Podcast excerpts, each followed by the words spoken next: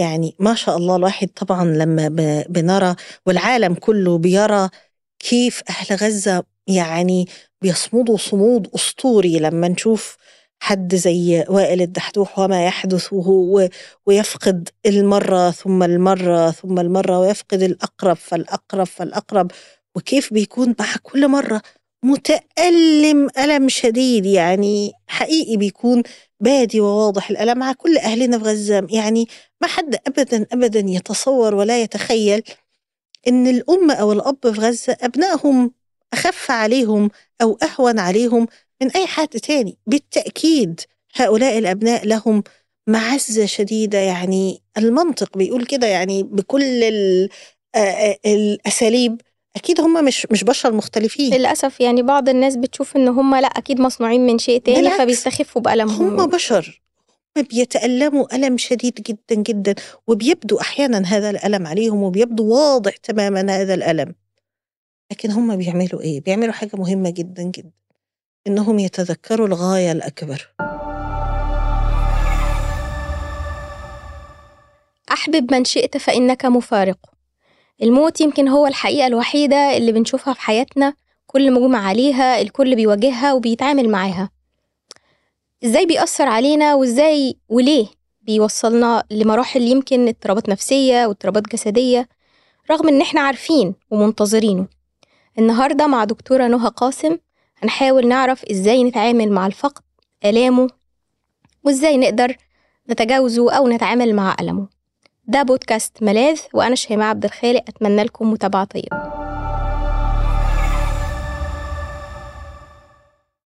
ازيك يا دكتورة. الحمد لله. نورتينا النهارده. الله يكرمك. آه دكتورة الموت هو تقريبا الحقيقة الثابتة والموجودة طول الوقت حوالينا وكلنا عارفينها وحافظينها. ومع ذلك أول ما بيموت حد قريب مننا بنتفاجئ بنتصدم أحيانا بعض الناس حتى ممكن تصاب بأزمات نفسية أو صحية. آه بعض الناس ممكن تجيلها جلطات ممكن تموت من فقد شخص عزيز عليها. ليه بنتفاجئ رغم إن إحنا عارفين إن ده هيحصل كده أو كده؟ خليني أقول هو أكتر من إننا بنتفاجئ هو إننا بنحزن. والحزن أو الحداد هو رد فعل طبيعي لفقد شخص عزيز. الموت حقيقة مؤكدة لكن أيضا الإنسان داخله غريزة للحياة غريزة تسعى للحياة باستمرار. فرغم أن الموت هي الحقيقة حتى ساعات يقال أنه هو الحقيقة الوحيدة المؤكدة بنسبة 100% في هذه الحياة أن كلنا إن شاء الله هيجي علينا وقت ونموت. هي حقيقة زي الميلاد بالضبط هي حقيقة الموت. لكن الحقيقة برضو إنه في النهاية الموت في فقد لشخص وفقد نهائي يعني فقد ما فيش بعده رجعة إلا في الحياة الأخيرة طبعا إن شاء الله بإذن الله. طبيعي إنه يكون لي أثر كبير مش أثر مش أثر حتى بسيط. إن الإنسان شخص يمثل له ذكريات يمثل له علاقة يمثل له دعم في حياته يمثل له أشياء كتير ثم فجأة يفقده. حتى لو بعد إعداد يعني عايزة أقول إنه مش مش دايما بيحصل الموت فجأة. ساعات يحصل الموت بعد مرض طويل أو يحصل بعد فترة يعني تبدو وكأنها استعداد للموت. لكن ما زال بيكون الألم بعدها زي بالظبط لو حصل فجأة فهي قصة مش في الفجأة بتاعت الموت أو مش في الصدمة قد ما هي في الفقد وافتقاد الشخص العزيز اللي أنا ارتبطت بيه اللي أنا حبيته اللي بيني وبينه علاقات اللي داعم في حياتي اللي بينا ذكريات طويلة اللي كنا بينا أحلام لسه للمستقبل وبينا حاجات عايزين نعملها فطبيعي إن أنا أتأذى بعد فقده. طيب بما إن الموضوع مرتبط بالحزن أو يمكن جزء منه بالمفاجأة إيه الخطوات اللي أنا كشخص مثلا فقدت شخص عزيز عليا إيه الخطوات اللي أنا أعملها عشان أمر بمرحلة صحية وأتعافى من فكرة الحزن ده؟ خلينا نتفق إن هو طبيعي. الأول إنه الآلام بتاعت الحداد أو الآلام ما بعد الفقد هي آلام طبيعية جدا جدا جدا. يعني إيه آلام طبيعية جدا جدا؟ يعني لما ألاقي نفسي متألم بعد الفقد حاسس بمشاعر قوية مشاعر حزن غضب بقى سخط بقى شوية ندم شوية إحساس بالذنب شوية إحساس بالوحدة شوية كل المشاعر اللي بتوجع دي. لما أحسها وقت الفقد اذا أنا إنسان طبيعي. فدي أول حاجة لازم أعرفها إنه من الطبيعي بعد الفقد إن أنا أمر بفترة حداد. سبحان الله حتى الدين إحنا في دي في في دين الإسلام عندنا إجراءات بعد الفقد الإنسان محتاج ياخدها علشان يحصل جواه العملية بتاعة الحداد الطبيعية اللي فيها قدر من التركيز على الفقيد أو الشخص اللي فقدناه وفي نفس الوقت فيها قدر من العلاقات الاجتماعية. يعني إحنا لما بيحصل حالة وفاة في الإسلام عندنا إيه؟ بالظبط عندنا غسل وال... آه. وتكفين للميت ده اسمه إيه؟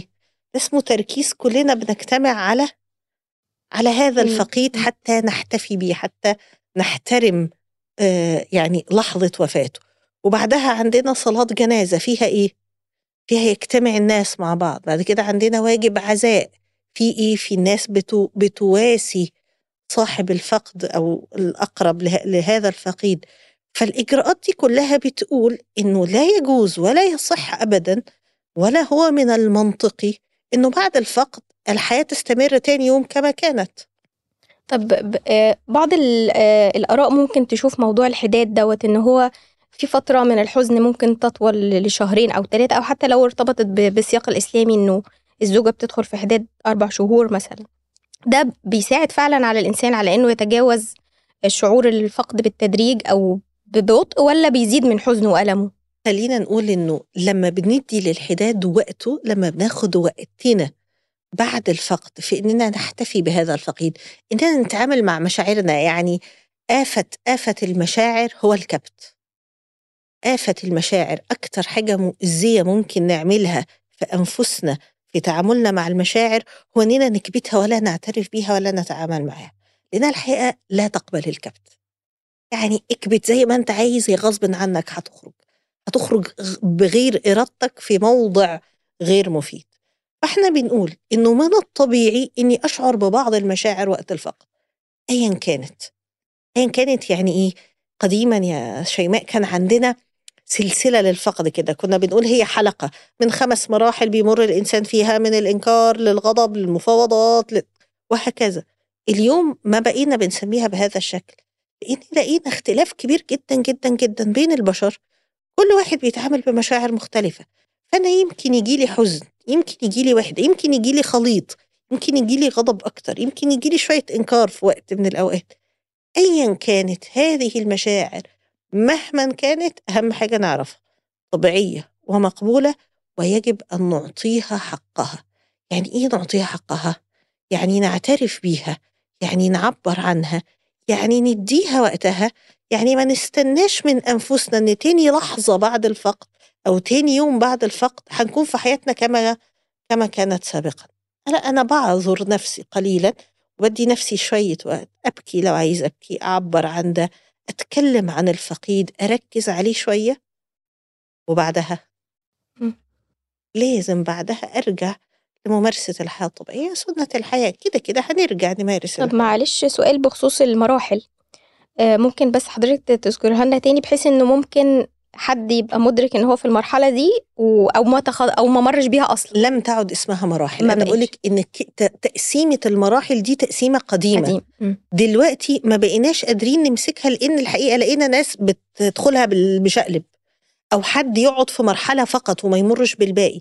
فعشان كده النهارده لما بقينا نوصف المشاعر بتاعة الحداد بنقول إن هي خليط من مجموعة من المشاعر. قد تكون قوية تتراوح ما بين الحزن الغضب الوحدة الندم الذنب السخط أحيانا الرفض أحيانا المفاوضة أحيانا الإنكار أحيانا. كل المشاعر دي قد تأتي مجتمعة. يعني ممكن في اللحظة الواحدة يبقى عندي كل المشاعر دي مع بعض. يبقى ساعتها المشاعر قوية جدا جدا جدا ومسيطره عليا واذياني بشكل جامد. وقت تاني يبقى عندي واحد منها. أنا بقول لك إنه النهارده لم نعد نعترف بأنها مراحل. ومش بننتظر إن الإنسان يجي له ده ثم ده ثم ده لا خالص. ايا كانت مشاعري بعد الفقد أقبلها. ايا كان إحساسي أحترمه. آفة المشاعر. الكبت وعلاج المشاعر هو احترامها وتقبلها. ليس بالضرورة أن أنا أتصرف بناء على مشاعري دي. مش بالضرورة عشان عندي غضب أن أنا أقوم أكسر الدنيا. لكن أحترم إن داخلي هذا الغضب. طيب يعني إحنا نرجع للسؤال الأولاني بخصوص المراحل أو الخطوات اللي. بمر بيها علشان آه، أتعامل مع الفقد أول حاجة إن أنا أفهم مشاعري أول حاجة إن أنا أفهم مشاعري وأقبلها و- وأتعامل معاها بطبيعية إن هذه مشاعر طبيعية مقبولة الحاجة التانية اللي بتساعدنا جدا في التعامل مع الفقد هي الاحتفاء بالفقيد يعني إيه الاحتفاء بالفقيد؟ يعني إننا نذكره إننا نتكلم عنه إحنا من أكتر الحاجات اللي بتؤلم بعد الفقد أن هذا الشخص لن يعود موجودا معنا في هذه الحياة. وبيبقى من المشاعر القاسية قوي أو من الأفكار اللي بتعطلنا شوية إن كيف الحياة راح تكمل بدونه. أحيانا بت- بتأتي بقى هنا معتقد معطل أو فكرة معطلة إن أنا حياتي انتهت بنهاية هذا الشخص أو بوفاة هذا الشخص أو إن أنا لن أستطيع الاستمرار في الحياة بغير هذا الشخص. لو جت لي هذه النوع من الأفكار بعرف على طول إن أنا بدأت أدخل في نوع من أنواع اللي إحنا بنسميه الحداد المعقد اللي هو مش الطبيعي بقى اللي هو أنا هروح في حتة أسوأ. أو يعني الحدادي هيكون أصعب شوية ممكن ياخد وقت أطول ممكن يأذيني أكتر ممكن يأثر على أدائي الأدواري ووظيفي بشكل أكتر.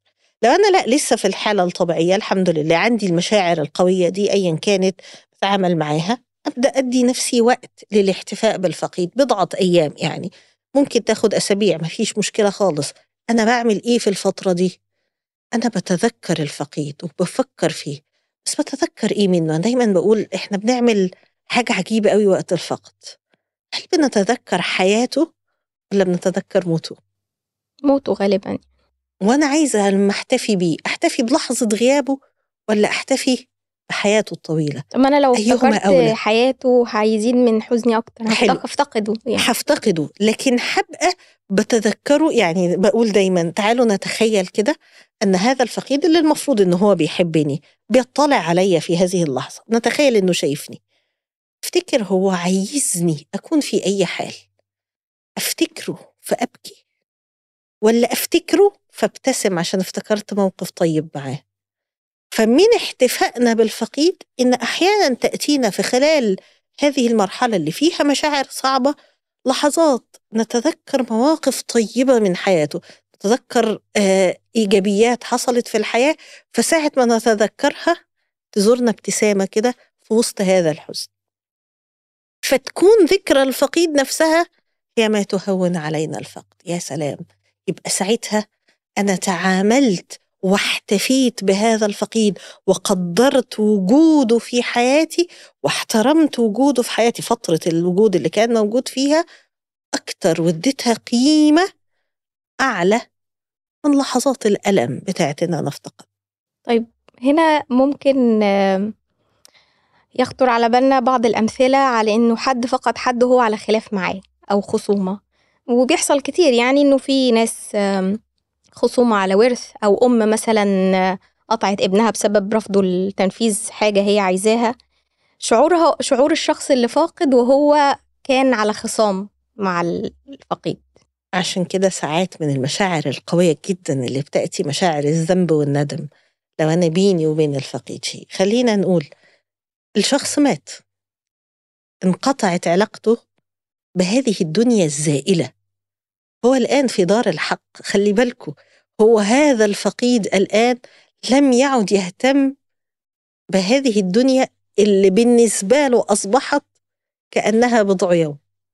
كل الحياة الطويلة اللي إحنا عايشينها كل المواقف الكتيرة اللي بينا أصبحت بالنسبة لهذا الشخص الآن اللي في لحظة بعد ما توفى بعد ما أصبح ترك هذه الدار الدنيا وذهب إلى الدار الآخرة هو أصبح في شغل تماما عن كل اللي إحنا بنفكر فيه طب لو أنا شاعر إن هذا الفقيد له عندي حق أو أنا أغضبته أو أنا ما مثلا كان له مثلا حق البر لو هو أحد الوالدين وأنا لم أبره هل أنا حياتي انتهت؟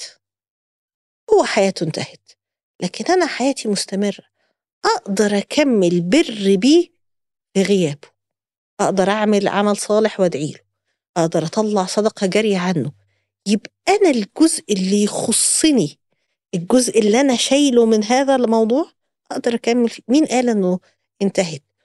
هو حياته انتهت لكن أنا حياتي مكملة. فإن كنت شاعر في هذه اللحظة بإنه كان في شيء كنت أتمنى أعمله بشكل أفضل طب أدور على الطرق اللي ممكن أعملها بيه أدعي له. عشان أنا لو دعيت له هو هياخد ثواب. هو النهاردة في دار الموازين فيها مختلفة. هو مش محتاج الإحساس الحلو هو دلوقتي محتاج الحسنات. هو دلوقتي في مكان في حساب في جنة ونار في ثواب وعقاب في ذنوب و... حياته دلوقتي أو يعني في الدار الآخرة أصلا مفاهيمها مختلفة. أنا عايزة أساعده أساعده بالمفاهيم دي فأعمل إيه؟ أقدر أقول أصالحه يعني بعد ما مات؟ أصلحه بعد ما مات. أقدر أعمل معاك أقدر أعمل له ده وأنا أبقى مستشعر أن هذا الثواب لما يصله هيبقى عنده أهم كتير قوي قوي من كل اللي كان ممكن نعمله في الدنيا. خلي بالك إحنا في مرحلة فوتناها شيماء. آه إن أنا مش بس اديت وقتي مشاعري ومش بس احتفيت في الفقيد في مرحلة تالتة مهمة جدا. لو أنا فوتها هفضل قاعد في الحداد بقية حياتي. وفي ناس بتعمل كده. مم. في ناس تفقد الرغبة في الحياة بعد الحداد. لما تقف عند إحساس إن الحياة مش هتكمل. بيجي ساعة ما نيجي نرجع إحنا خدنا وقتنا. حسينا بمشاعرنا احتفينا بالفقيد شوية اتكلمنا عنه فكرنا فيه تذكرنا مواقفه يمكن عملنا له حاجة يمكن كتبنا عنه يمكن عملنا أي أشياء وبعدها هترجع الحياة تمشي. ما وقفتش الدنيا. إحنا في اللحظات الأولى بنتخيل إن الدنيا وقفت. وبعدين هي بتمشي. النهار بيطلع والشمس بتشرق وال- والشمس بتغرب و- والحياة لازم هتكمل. فساعة ما نيجي نرجع نكمل حياتنا يجي لنا بقى ساعتها إيه؟ إحساس بالذنب إيه ده؟ إحنا هناكل ونشرب ونستمتع وهو تحت التراب فتلاقي إحساس الذنب ده يعمل فينا إيه؟ يعطلنا يرجعنا يخلينا ما نكملش روتين حياتنا أو ما نكملش حياتنا الطبيعية ما نكملش أداء وظايفنا ما نحاولش نستمتع بالحياة فنفضل قاعدين في هذه الحالة اللي, ما فيش أي يعني دين ولا شرع ولا حتى مصلحة تقول إننا نفضل فيها هنا بنقول وبننصح الناس بعد الحداد إنك لما تلاقي نفسك راجع تمارس الحياة الطبيعية وحاسس بالذنب اعرف إنك محتاج تتجاوز هذا الذنب وتكمل ممارسة شوية اللي هيحصل إيه بعدها؟ هيبدأ إحساس الذنب ده يتضاءل بالتدريج ليه؟ لأن هذه سنة الحياة ما هو أنا برضو لما هموت اللي ورايا هيعيش الحياة بشكل يعني ده طبيعي. بنشوفه برضو كتير في نماذج السيدات مثلا اللي بعد زوجها ما يتوفى مثلا ترفض إن هي تكمل حياتها أو لو جات لها فرصة زواج تاني وكذلك بالنسبة لبعض الرجال خلينا نقول آه، لو حد فقد آه، حد شريكه في الحياة. ففكرة إن الحياة بتقف وبيظنوا إنه أنا وافي ليه. ده وفاء ليه أنا ما عنديش مشكلة. خليني هرجع لك تاني للمثل اللي أنا بحب أقوله. مم. أيهما أوفى للشخص إن أنا أكمل حياتي؟ إذا كان هذا الشخص شخص إيجابي في حياتي. هو الأوفى له إن يكمل حياتي في حالة حزن مستمر ولا الأوفى له إن أنا أكمل رسالة في الحياة إيجابية؟ مم. لو الأكثر وفاء له إن أنا أكمل في حزن ده ما يبقاش ما كانش شخص إيجابي. يبقى هو كان شخص سلبي وعايز حياتي سيئة. إنما إن كان هذا كان شخص إيجابي في حياتي وشخص يتمنى إن أنا حياتي تبقى جيدة وشخص ليه قيمة جوايا يبقى المنطقي أن الأكثر وفاء له إن أنا أستمر في أداء رسالته إن أنا أستمر في أداء وظيفي في الحياة إن أنا أستمر في الحياة مستمتع قادر أدي وظيفي وقادر أستمتع بشكل طبيعي. ليس أبدا أنا دايما برجع أقول إحنا بنقيس وفائنا للميت بمعايير غير المعايير اللي هو أصبح فيها النهاردة. أنت أكتر وفاء ممكن تعمله لشخص لم يعد في هذه الدنيا هي إنك تنتبه إلى حقيقة الدنيا. وإنه إيه الأصلي وإيه اللي فاضل وإيه اللي هيبقى؟ هو الثواب وهو الجنة وهو ال- الحسنات اللي هعملها والأثر الطيب اللي هتركه في الدنيا والرسالة اللي هأديها والحاجة الإيجابية اللي هعملها. هل أقدر أك- أكون صاحب بصمة وصاحب أثر وصاحب آه نتائج إيجابية تعمر الأرض وتخليني أخد ثواب كتير. وأنا عايش كئيب وأنا عايش في حزن وأنا عايش مش قادر أمارس الحياة بشكل طبيعي. مستحيل. إذا هذا ليس وفاء. هذا وهم بالوفاء. لكن للأسف فرضوا المجتمع يعني خلينا واقعيين. أنت وأنت بتقولي ضحكتي وانت بتقولي الرجل ما يبقى وفاء شوية يعني. لأنه الحقيقة هو المجتمع وهذا ليس له أي علاقة لا بدين ولا بصحة نفسية ولا بأي حاجة. لكن المجتمع حط بعض الافتراضات أن شكل الوفاء أن المرأة لا تتزوج بعد ما زوجها يتوفى أن هذا من الوفاء. في حين إن إحنا لما نيجي نرجع نسترجع كده مثلا سيرة الرسول صلى الله عليه وسلم والصحابة إنه ده ما كانش الواقع ابدا. عادي جدا النساء بعد الطلاق تتزوج والصحاب والرجال بعد الطلاق تتزوج والنساء بعد ما زوجها يموت تتزوج والرجل بعد ما زوجته تموت تتزوج بشكل طبيعي. ليه؟ لأن الناس دي كانت بتبص لحقيقة الحياة أن هذا الزواج التاني ده اللي هيحصل هو استمرار لرسالة الحياة هو استمرار لأداء وظيفي في الحياة فطبيعي إن أنا أكمل فيه بشكل طبيعي. طيب حد اختار إنه مش عايز كده؟ هو حر بس المهم يكون إيه؟ اختياره الحر. يعني لما واحدة تختار إنها مش عايزة تتزوج حد تاني بعد زوجها أو رجل يختار إن بعد زوجته ما يتزوجش زوجة أخرى. لو الشخص اختار ده بإرادته الحرة وده كان قراره كان عنده قدرة على إنه يستكمل حياته ويؤدي وظائف ويستمتع في الحياة بأشياء أخرى ويبقى بيعمل حاجات تانية لكن المهم إنه يكون إيه؟ قراره الشخصي وليس ضغط مجتمع فرض عليه شيء ممكن يكون مخالف لفطرته أو مخالف لرغبته. هنا ده المعيار عشان كده هي برضه ملهاش إجابة نموذجية يعني ما حدش يقول إن هو هو الصح إنه يتزوج ولا هو الصح إنه ما يتزوجش. هي ما فيهاش صح هي فيها الأنسب لكل شخص. المهم إن المجتمع لا يقيد الناس تحت نموذج واحد نفرضه عليهم ونطلب من الناس كلها إنها تمشي عليه وإحنا جبنا هذا النموذج من شكل وهمي في الأصل. هو أنا دايما بيشغل بالي المصطلح أو التسمية الصحيحة لفكرة التعامل مع الفقد بعض الناس بتقول مثلا هننسى أو هيعدي وقت وهتنسى وده بيكون مستفز الحقيقة لما بيكون في شخص عزيز فقدته وحد يقول لك هتنسى لا أنا مش عايز أنسى أو إنه هتتجاوز مع الوقت. إيه المصطلح الصح اللي إحنا نستخدمه علشان نعبر على التعامل مع الفقد خلينا نقول إن هنا المشكلة في هتنسى إيه هو أنا عايز أنسى الشخص اللي كان مهم في حياتي؟ أكيد أنا مش عايزة أنساه. أكيد أنا مهتم أحتفظ بذكراه في الحياة.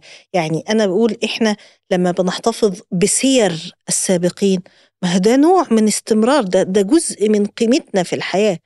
فما فيش أبدا أبدا لا هدف ولا فايدة من إننا ننسى الفقيد.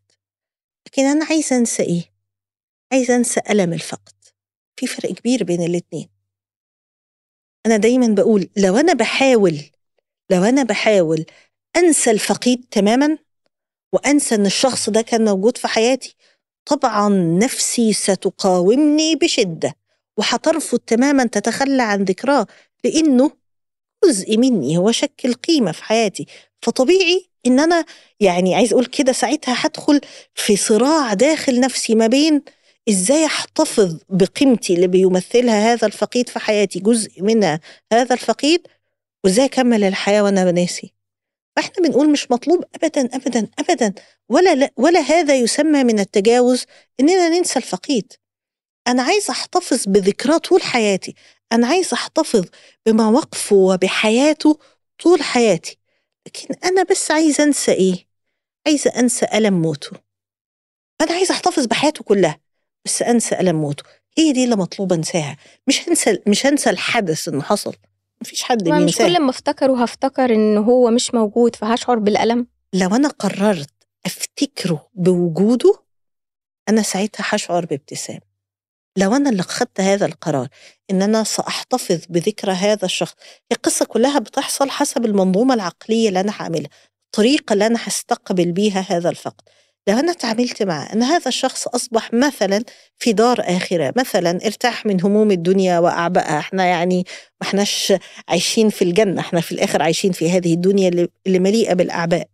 فلما أفكر ان هو إن شاء الله بإذن الله ربنا سبحانه وتعالى ختم حياته بشكل طيب إن كان مثلا آه، بشهادة زي أهلنا في غزة أو غيره أو ربنا سبحانه وتعالى ختم له بخاتمة طيبة أنهى حياته كان بيعاني من مرض وتعافى منه يعني خلص خلاص من هذه الألام.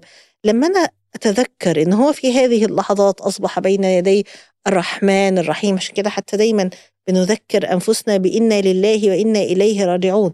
إن دي نقطة مهمة المنظومة الفكرية اللي عندي حوالين الفقد معتقداتي عشان كده الحقيقة للأمانة يعني يظل الناس المؤمنين بالله سبحانه وتعالى المؤمنين أن هناك حياة آخرة المؤمنين بدين الإسلام بشكل واضح وبرسالة الله سبحانه وتعالى ومسلمين أمرهم لله يكون تعاملهم مع الفقد أهون كتير جدا جدا جدا جدا من شخص ما عندوش هذا الإيمان ما عندوش تصور عن حياة آخرة ما عندوش تصور للقاء في الجنة إن شاء الله إخوانا على سور متقابلين نسعد فيها مع بعض ونستمتع بقى بعيدا عن كل صخب هذه الدنيا.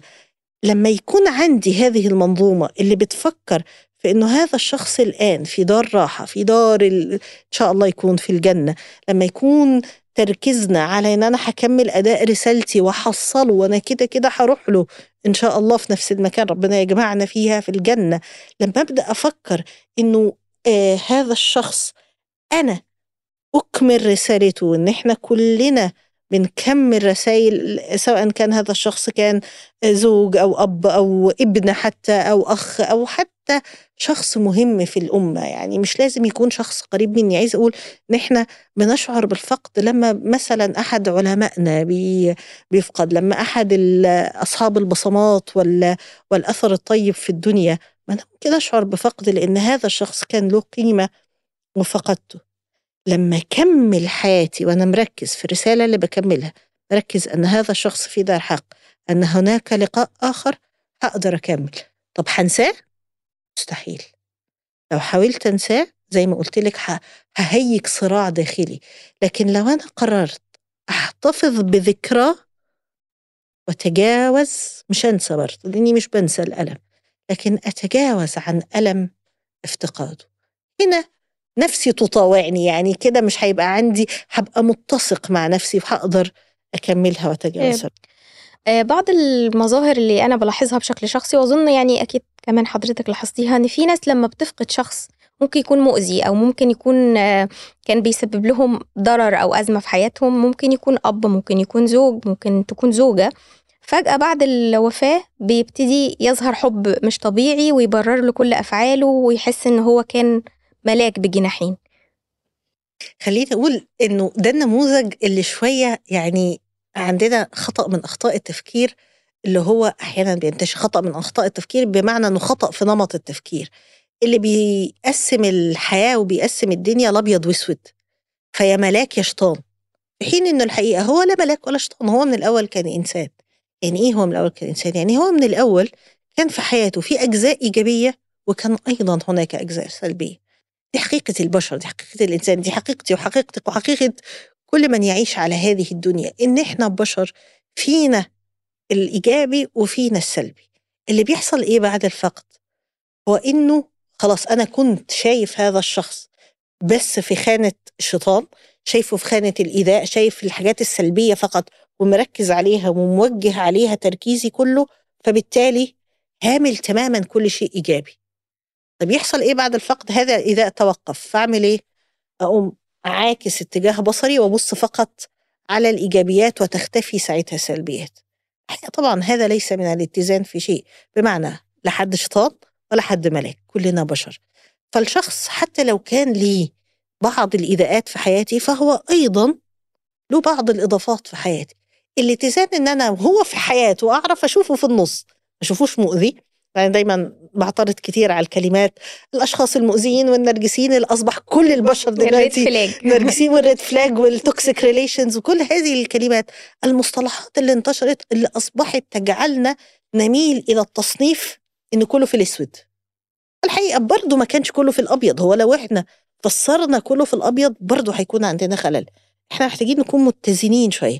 سواء بنتعامل مع شخص حي زال موجود في حياتنا فنعرف نستمتع بالجانب الإيجابي فيه ونعرف نتجنب الجانب السلبي فيه أو نقدر نعبر عن إيذائنا من الحاجات اللي ممكن تكون مؤذية في العلاقة. وفي نفس الوقت بعد وفاته نعرف نشوفه برضه بنفس بنفس الاتزان إنه كان في إيجابيات وكان في سلبيات كان في حاجات كويسة كان في حاجات سلبية. عادي جدا. بذكر شهداء غزة و ويعني ربنا يفرج كربهم يا رب ويرفع عنهم آه، الأهوال اللي بيشوفوها. آه، الفقد في سياق آه، الحرب. يعني زي ما حضرتك ذكرتي إنه جزء من التعامل أو المساعدة على التعامل مع الألم الفقد هو إنه يكون في احتفاء بالفقيد. في حالة في غزة إنه في حالة حرب فالفقيد اللي هنا بيدخل مع الفقيد اللي هنا في حداد جماعي. بيضغط أحيانا أو بي يعني آه، ما بيديش المساحة للحداد الشخصي. صحيح. ده بيتعامل معاه عشان كده إحنا مهم جدا جدا دايما بقول إننا نحترم شوية إنسانيتنا.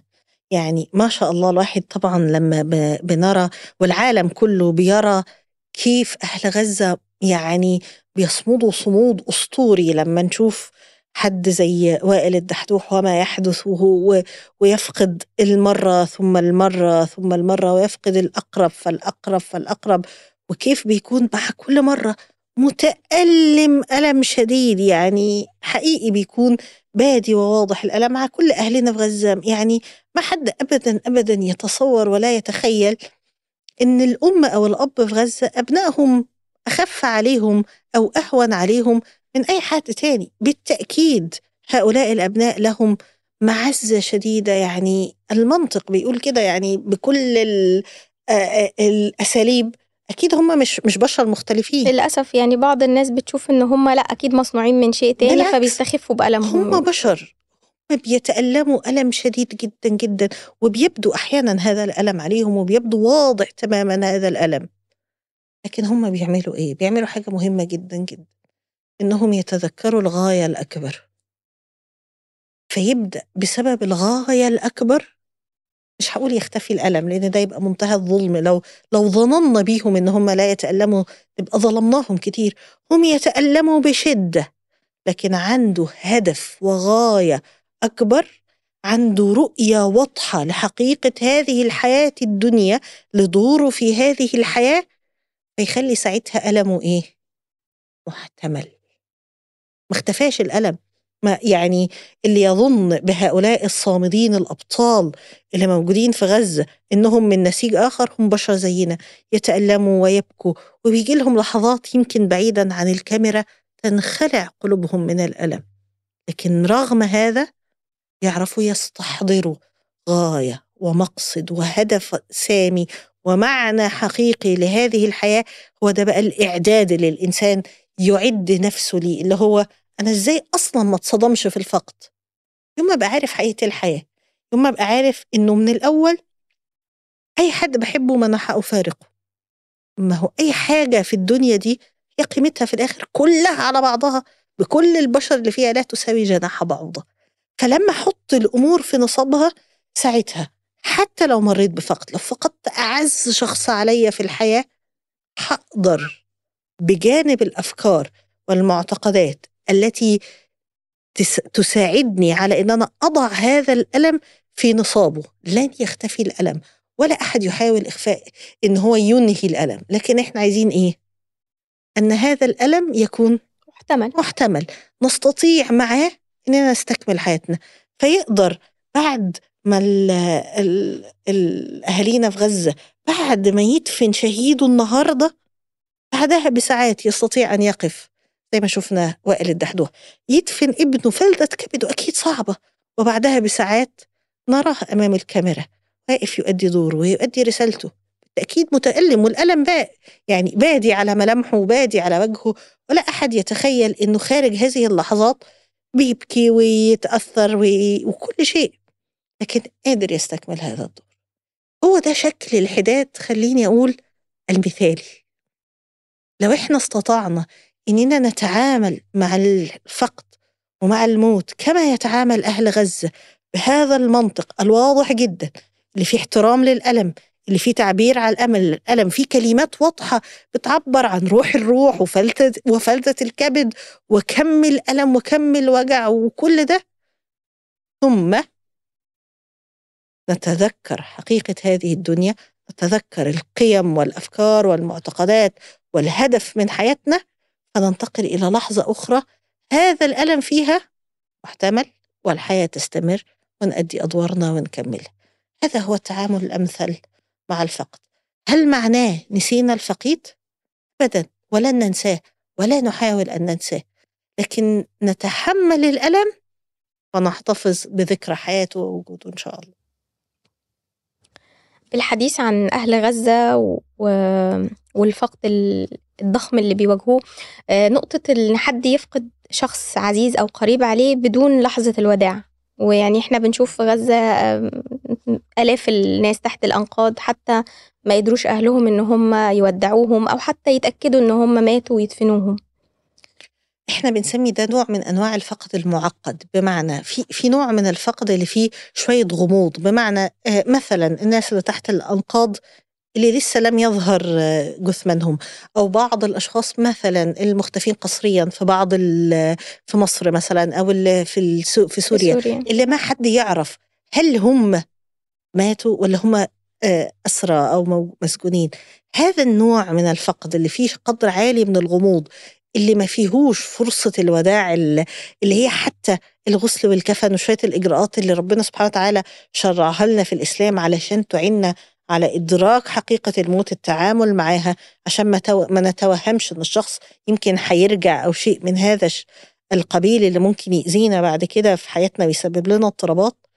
فالناس دي حقيقي بتبقى طبعا طبعا طبعا بتمر بمعاناة شديدة لا يجوز تمر بيها لوحدها. يعني بمعنى لما حد يعاني من فقد معقد أو غامض بهذا الشكل لابد انه يلجأ لحد يساعده أن يتجاوز لازم يتكلم عن اللي جواه لازم يراجع نفسه مع شخص مش بالضرورة يكون متخصص مش بالضرورة يكون طبيب لكن على الأقل شخص داعم يساعده إنه يتجاوزها لأنها في الحقيقة أزمة تقيلة شوية. أتقل من قدرة الشخص العادي إن هو يتعامل معها ببساطة. بايه اللي يفكر فيه؟ يعني إيه الحاجات اللي ممكن يبقى قادر إنه يفكر فيها بحيث إنه يساعد نفسه؟ زي ما قلت أول حاجة لازم يلجأ لشخص داعم لازم آه، يلجأ لله سبحانه وتعالى أولا وأخيرا لازم يبقى قادر يسلم شوية لربنا سبحانه وتعالى ويلجأ لمساعدة آه، ياخدها من دينه ومن معتقداته ومن أفكاره. لازم يكون في بني آدم تاني شخص تاني داعم في حياته غير الفقيد اللي هو مفتقده ده يقدر يلجأ له يتكلم معاه يعبر عن مشاعره لأنه حقيقي يعني خليني أقول لك من غير يعني ولا علم نفس ولا أي إدراك لما داخل النفس. الطبيعي إن هو في حالة من الحيرة. هو في لحظة عايش ولا ميت؟ هو في لحظة يحت... يشعر بمشاعر الحداد على هذا الشخص وبعدين في لحظة تانية يجي له أمل ما يمكن يظهر وما يمكن يرجع. فيرجع يمسح الحداد اللي عمله ويبدأ يعيش على الأمل وبعد شوية يموت الأمل تاني ويرجع يشعر في الحداد. فهو كأنه بيمر بالفقد مش مرة. مئات وملايين المرات لحد ما يصل إلى قناعة إنه يصدق أن هذا الشخص فقد وإن هو يسلم بهذا. عشان كده بقول وجود شخص داعم جنبه يساعده في هذه الرحلة يساعده يقرب له شوية مساحة إنه يصدق إن هذا الفقد تم هيكون مفيد جدا له. مش بالضرورة طبيب لكن شخص داعم إنه يلجأ لدينه يلجأ لمعتقداته يلجأ لله سبحانه وتعالى يفكر في مصير هذا الشخص في في في وجوده مع رحمة ربنا سبحانه وتعالى يستودع الله يفضل دايما يفكر إنه إذا كان هو حريص عليه فبالتالي فبالتأكيد الله أرحم بيه وإنه هو وهكذا فده يقدر يعينه إن هو يتعامل مع الفقد يعني ربنا يكون في عون أهلنا في غزة ويطيب خاطرهم وينصرهم يا رب. شكرا لك يا دكتور. عفوا. شكرا إنكم وصلتوا لآخر الحلقة. أتمنى إنها تكون فادتكم. ما تنسوش تتابعونا على كل منصات البودكاست واستنونا الأسبوع الجاي. سلام. بث حديث.